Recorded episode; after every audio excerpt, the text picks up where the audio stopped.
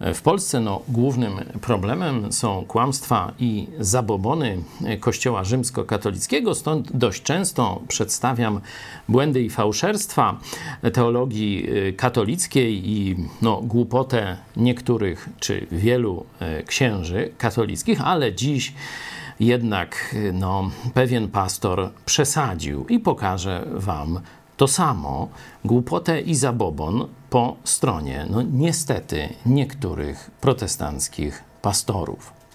Oto tenże jegomość odkrył, że Znamie bestii opisane w Księdze Apokalipsy przeczytam wam najpierw z Księgi Apokalipsy, żebyście wyrobili sobie zdanie na podstawie tekstu biblijnego. Tam mowa jest o tych czasach ostatecznych, to jest 13 rozdział, werset 16 i 17. On też sprawia, że wszyscy, mali i wielcy, bogaci i ubodzy, wolni i niewolnicy otrzymują znamie na swojej prawej ręce – albo na swoim czole. I że nikt nie może kupować ani sprzedawać, jeśli nie ma znamienia. To jest imienia zwierzęcia lub liczby jego imienia. No a teraz zobaczcie, co no, niestety jeden z przewodników kościołów protestanckich w Polsce wypisuje na Facebooku.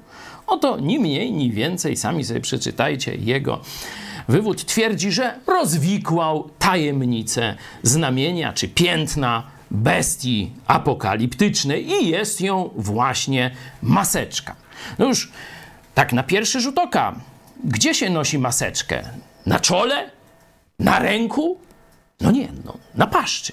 Ale to mu nie przeszkadza. Widać, że jedna z jego czytelniczek bardzo się zaniepokoiła i mówi: Zaraz, to jak ja teraz nałożę maseczkę, pójdę do urzędu, to już przepadło, już nie mam zbawienia, znak bestii przyjęłam. Także widzicie, że ludzie słuchają takich durnot i się tym przejmują.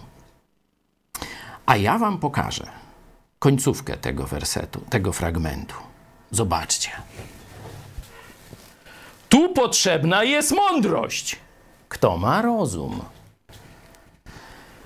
a nie głupotę.